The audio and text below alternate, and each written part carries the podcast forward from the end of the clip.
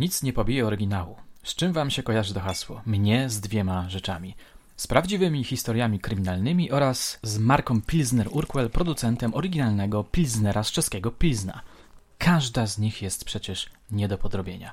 Moje drogie, moi drodzy, podobnie jak w zeszłym, tak i w tym roku doszło do połączenia sił zabójczych opowieści oraz wspomnianej marki Pilsner Urquell, która wspiera najlepsze polskie podcasty kryminalne.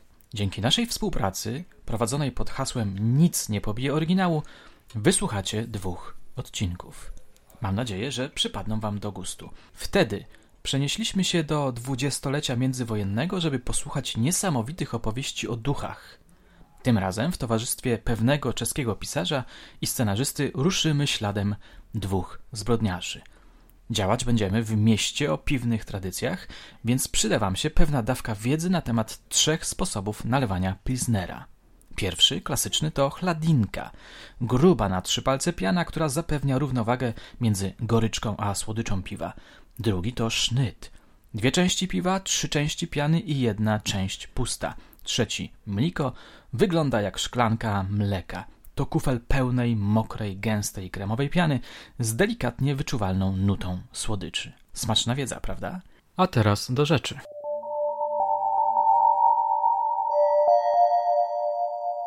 Nazywam się Michał Larek, a to jest mój kryminalny podcast Zabójcze opowieści. Scotland Yard, kryminalne zagadki, odcinek pierwszy, kobieta w walizce.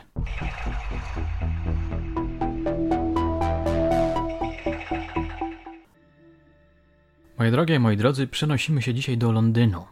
Jest 9 maja 1927 roku. Udajemy się na dworzec Charing Cross. Dochodzimy do przechowalni bagażu, w której zrobiło się małe poruszenie. Otóż z pewnej dużej czarnej walizki zaczął wydobywać się charakterystyczny, słodkawy zapach. Zawołano konstabla, który pełnił służbę na dworcu. Ten, rzuciwszy okiem na podejrzany bagaż, zadzwonił na Bow Street. Parę minut później pojawił się tam inspektor Steele. Kazał otworzyć walizkę. Okazało się, że w środku znajdują się pakunki owinięte szmatami i papierami. W tych pakunkach znaleziono rozkawałkowane ludzkie ciało. W walizce znajdowała się także peruka. Steele natychmiast powiadomił Scotland Yard. Według Wacława Pawła Borowiczki, autora książki Scotland Yard w akcji i zarazem głównego źródła niniejszego odcinka, niebawem na miejscu pojawił się słynny główny inspektor George Cornish, nazywany czarodziejem ze Scotland Yardu, ze swoim asystentem. Cornish przesłuchał bagażowego. Okazało się, że walizkę zdeponował nieznany mężczyzna, który przyjechał na dworzec taksówką. Było to auto marki Austin. Taksówkarz pomógł bagażowemu wydostać walizkę z bagażnika. Była bardzo ciężka. Klient kazał ją oddać do przechowalni, powiedział, że jutro rano ją odbierze i że należy obchodzić się z nią bardzo ostrożnie. Na zagajenie, że bagaż jest ciężki, mruknął tylko, że książki bywają bardzo ciężkie. Wygląd owego mężczyzny? Zwyczajny. Żadnych szczególnych znaków. Wysokiego wzrostu, włosy jasne, rudawe, raczej rudawe. Dał duży napiwek, całą pięcioszylingówkę. Oddawszy bagaż, wyszedł na zewnątrz i wezwał kolejną taksówkę. Zanim wsiadł do samochodu, wyrzucił kwit z przechowalni. W którym kierunku ruszyła taksówka? W stronę Trafalgar Square. Tyle informacji udało zebrać się od bagażowego. Walizkę z makabryczną zawartością zawieziono do kostnicy i wezwano tam doktora Bernarda Spilsburego, znanego patologa sądowego, pioniera medycyny sądowej. Przy okazji warto podkreślić, to wybitna, ale i niezwykle kontrowersyjna postać, która tragicznie zakończyła swój żywot. Zapewne poświęcę jej kiedyś osobny odcinek. Spilsbury stwierdził, że są to zwłoki młodej kobiety, mniej więcej trzydziestoletniej. Została ogłuszona, a potem uduszona. Do jej spódnicy przyszyta była tasiemka z nazwiskiem Holt. Przy walizce zabezpieczono przywieszkę z nazwiskiem F. Austin w St. Leonard's. Fotografię walizki opublikowano w gazetach z informacją, że Scotland Yard poszukuje świadków, którzy w taki czy inny sposób zetknęli się z nią. I to był znakomity ruch. Jeszcze tego samego dnia, wieczorem, zgłosił się pewien kupiec, który oświadczył, że walizka z opublikowanego zdjęcia pochodzi z jego sklepu. Sprzedałem ją parę dni temu, dodał. Poproszono o opis nabywcy. Duży, małomówny, nieprzyjemny, padła odpowiedź, z charakterystycznym wąsikiem. Kolor włosów? Brunet. Zatrzymano się przy tym szczególe brunet? Przecież mężczyzna, który zdeponował walizkę na dworcu, miał jasne włosy, brunet. Jak był ubrany? Zwyczajnie. Wiek wyglądał na jakieś 40 lat. Krótko mówiąc, mężczyzna stanowił uosobienie przeciętności. Nie zwracał na siebie większej uwagi. Zagadnięto kupca o przywieszkę. To nie mojej produkcji odparł i zasugerował, że wycięto je z pudełka na buty i że do walizki musiał przytwierdzić ją sam klient. Jako świadek w sprawie zgłosił się również pewien taksówkarz. Powiedział, że wiózł mężczyznę z walizką ze zdjęcia. Na jakiej trasie? Z Rochester Row na dworzec w Shining Cross. Zapytany o kolor włosów właściciela walizki, odparł, że były jasne. Był tego absolutnie pewny. Ta rozbieżność w zakresie koloru włosów musiała zbijać z tropu policjantów. Główny inspektor Cornish pojechał pod dom, spod którego taksówkarz odebrał poszukiwanego mężczyznę. Okazało się, że pod tym adresem mieściły się siedziby kilku instytucji. Zabrano się za rozpytanie pracowników. Jeden z urzędników przypomniał sobie wielką czarną walizkę. Według niego stała na korytarzu, na trzecim piętrze. Gdzie dokładnie? Przy drzwiach biura niejakiego Johna Robinsona, który był handlarzem nieruchomościami. Ów urzędnik opowiadał, że Robinson według własnych słów splajtował i nie mógł już opłacać biura. Wyprowadził się więc. Pewnego dnia wyszedł na korytarz, zamknął za sobą drzwi i ruszył ku wyjściu, ciągnąc za sobą walizkę. Nie bez pewnych trudności. Musiała być bardzo ciężka. Na pytanie, gdzie pan Robinson mieszka, padła odpowiedź gdzieś w okolicach Ashley Gardens. Wkrótce ustalono, że John Robinson, agent nieruchomościami, wynajmuje pokój u pani Bland w domu numer 4 przy Howich Place. Udano się tam. Niestety Robinson opuścił mieszkanie. Nikt nie wiedział, gdzie się udał. Przeszukano jego pokój, ale nie znaleziono w nim nic ciekawego. Poza zawiadomieniem urzędu pocztowego, że Robinsonowi nie zdołano doręczyć telegramu do hotelu Greyhound w Hammersmith. Jednocześnie asystent Cornisha, Hugh Young, odnalazł panią Holt, czyli osobę, której nazwisko widniało na tasiemce przyczepionej do bielizny. Okazało się, że wynajmuje ona pokoje młodym dziewczętom, które parają się prostytucją. Pani Holt Oddając ubrania do pralni, przyszywała do niego tasiemki ze swoim nazwiskiem. Sprawdzono 10 kobiet, które przyjmowały klientów w mieszkaniach pani Holt. Uwagę śledczych zwróciła Emily Rawls, której prawdziwe nazwisko brzmiało Bonatti. Mówiono na nią Mini, była żoną włoskiego kelnera, ale opuściła go i związała się z mężczyzną o nazwisku Rawls. Miała 36 lat, zarabiała na życie jako prostytutka. Ostatni raz widziano ją żywą na Sydney Street w Chelsea. Było to w środę 4 maja około 16. Sprawdzono dane klientów Mini. Jednym z nich był niejaki Frank Austin, który mieszkał przy St. Leonard's Street i którego personalia widniały na przywieszce. Zaczęło się robić bardzo ciekawie. Policja miała więc na radarach trzech podejrzanych: Robinsona, Austina i męża zamordowanej. Cornish skierował swoje kroki do hotelu Greyhound, który według Borowiczki był niezbyt okazałym zajazdem umiejscowionym gdzieś przy dworcu autobusowym. Szukamy pana Robinsona, oznajmił główny inspektor recepcjoniście. Mieszkał u was? Nie. Nie? Nie, ale pracuje u nas w kuchni kobieta o tym nazwisku. Robinson. Niedoręczony telegram stał się owym słynnym kamykiem, który zapoczątkowuje lawinę. Tak zgrabnie podsumował ten moment Borowiczka – Okazało się bowiem, że owo powiadomienie było przeznaczone dla pani Robinson. Cornish przesłuchał ją w saloniku do przyjęć weselnych. Szukamy pani męża, powiedział oficer. Gdzie go możemy znaleźć? Nie wiem, ale mam się z nim spotkać w restauracji Elephant and Castle. Kiedy? Dziś wieczorem. Kobieta zapytała, dlaczego policja poszukuje jej męża. To nic ważnego, zbył ją policjant. Proszę mu przekazać, żeby jutro rano stawił się w siedzibie Scotland Yardu. Będzie czekał tam na niego główny inspektor George Cornish. Robinson stawił się następnego dnia rano w Scotland Yardzie. Był to szczupły mężczyzna średniego wzrostu. Zachowywał się całkiem spokojnie. Gdy pokazano mu walizkę, stwierdził, że miał podobną. Odwiózł w niej dokumenty biurowe. Cornish wezwał taksówkarza. Chciał go skonfrontować z Robinsonem. Ten oznajmił, że go nie poznaje. Mężczyzna z walizką, którego wiozłem, wyglądał inaczej. Mówił, tamten wyglądał na starszego.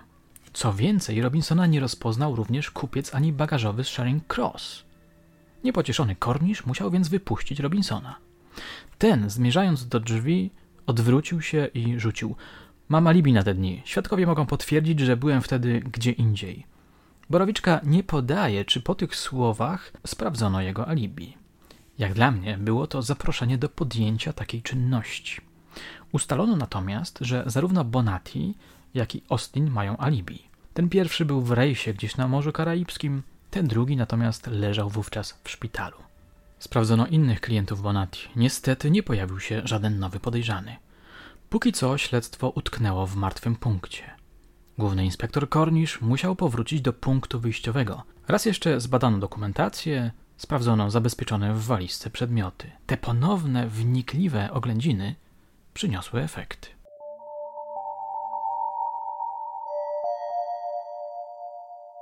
Moje drogie, moi drodzy, opowieść o przedstawianym tu śledztwie to opowieść o żmudnej, dokładnej, rzetelnej robocie.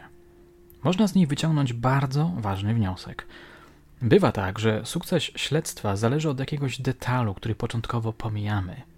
Otóż tym detalem, pominiętym detalem w tej sprawie była pewna ściereczka. Znaleziono ją wśród szmat, w który owinięto fragment ciała Mini. Przypatrzono się jej dokładniej i tym razem dostrzeżono na niej brązową plamę. Zmyto tę plamę i dzięki temu odkryto, że w rogu chusteczki widnieje pieczątka. Pieczątka hotelu Greyhound. Na policyjnych radarach znowu pojawił się John Robinson. Tam przecież pracowała jego żona. Borowiczka tak sobie wyobraził tę scenę. Wydaje mi się, że mamy wreszcie ślad powiedział główny inspektor swoim współpracownikom. Od początku wydawało mi się, że ten Robinson jest zbyt pewny siebie, za bardzo spokojny. Jego żona pracuje w hotelu Greyhound. Część zwłok jest zapakowana w ściereczkę należącą do hotelu. Będzie właściwą rzeczą wrócić do Hammersmith. Wrócono więc do dzielnicy, w której położony był ów hotel, czy raczej zajazd. Przepytano wszystkich pracowników, okazując im ściereczkę końcu barmanka oznajmiła, że ściereczka jest jej własnością. Wydawało się zatem, że udało się powiązać Robinsona z zamordowaną kobietą. Kolejny ruch policji był następujący. Wrócono do domu położonego na Rochester Row, w którym mieściło się biuro Robinsona. Ponownie jej przeszukano, ale tym razem solidniej się do tego przyłożono. Na szczęście Robinson nie wyczyścił swojego biura odpowiednio i dzięki jego karygodnemu niedbalstwu w koszu na papiery zabezpieczono perukę i zabrudzoną zapałkę. Peruka podobna była do tej, którą znaleziono w walizce zdeponowanej na dworcu w Charing Cross. Zapałkę oddano do laboratorium. Dr Salisbury ustalił, że widoczne na niej plamy pochodzą od ludzkiej krwi.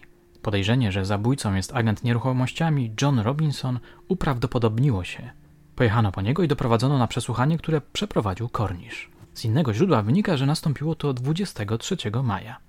Robinson przyznał się do zabójstwa, ale podkreślił, że był to nieszczęśliwy wypadek, jej śmierć nie była jego intencją. Nie chciał tego. Powiedział, że znał tę kobietę od dawna. 5 maja spotkał ją przypadkowo na dworcu w Victoria Station. Zabrał ją do biura. Po stosunku zażądała pieniędzy. Robinson nie miał z czego jej zapłacić. Doszło pomiędzy nimi do przepychanek. Przesłuchiwany opowiadał, że Bonatti była agresywna. Odepchnął ją, upadła, uderzając głową o róg pieca. Kiedy okazało się, że nie żyje, Robinson poćwiartował ciało i umieścił w walizce, którą, jak wiemy, zawiózł na dworzec. Potem miały trawić go wyrzuty sumienia. Przeżywał mocno to, co się stało. Nie mógł jeść, nie mógł spać. Fakty jednak świadczyły, że nie mówi prawdy – pisze Borowiczka. Postępował jak doświadczony przestępca. Przemyślał wszystko precyzyjnie i logicznie. Kupił sobie dwie peruki i w ten sposób pojawiał się raz z jasnymi, kiedy indziej z ciemnymi. Dlatego świadkowie nie poznali go, dlatego taksówkarz i bagażowy twierdzili każdy co innego. Proces zaczął się 11 lipca 1927 roku w Old Bailey na Newgate. Linia obrony tego 36-letniego mężczyzny zakładała, że śmierć Mini Bonatti była nieszczęśliwym wypadkiem. Nie dano temu wiary. Mąż ofiary mówił, że Mini była alkoholiczką i bywała agresywna, ale to nie zrobiło wrażenia na ławie przysięgłych, która podobno była oburzona bardziej makabryczną manipulacją ciałem niż samym morderstwem. Metody jednak, których używał dla zatarcia śladów czynu, zdradzały, pisze Borowiczka, że popełnił zaplanowaną zbrodnię. Przecież nie zapomniał nawet zmylić śladu przez to, że na walizce, którą odwiózł do przechowalni bagażu, zmienił zawieszkę z nazwiskiem wytwórcy i przed nazwą firmy St. Leonard's napisał nazwisko jednego ze stałych klientów prostytutki Franka Ostina. Tak nie postępuje bezradny, uczciwy człowiek, któremu przytrafił się nieprzyjemny wypadek.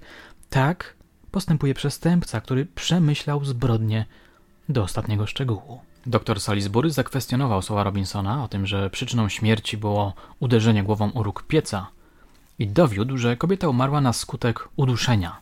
Nieszczęśliwy wypadek został zatem stanowczo wykluczony.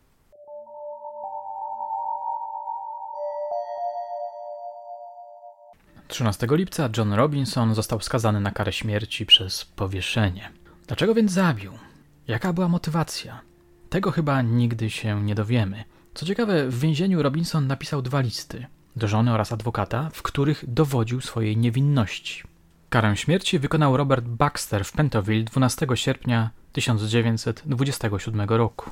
Jeśli zainteresowała Was ta sprawa, to odsyłam do internetu, gdzie można znaleźć kilka ciekawych fotek. Między innymi fragment raportu Salisburego, listy Robinsona, portrety ofiary i zabójcy. To mało znana sprawa, ale świetnie pokazująca, na czym polega robota policyjna.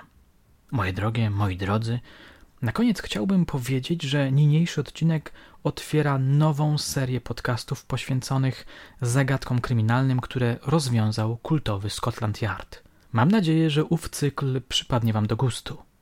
Tymczasem żegnam się już z Wami. Dajcie łapkę w górę, komentujcie, udostępniajcie, piszcie maile no i czytajcie moje książki. Do usłyszenia już niebawem.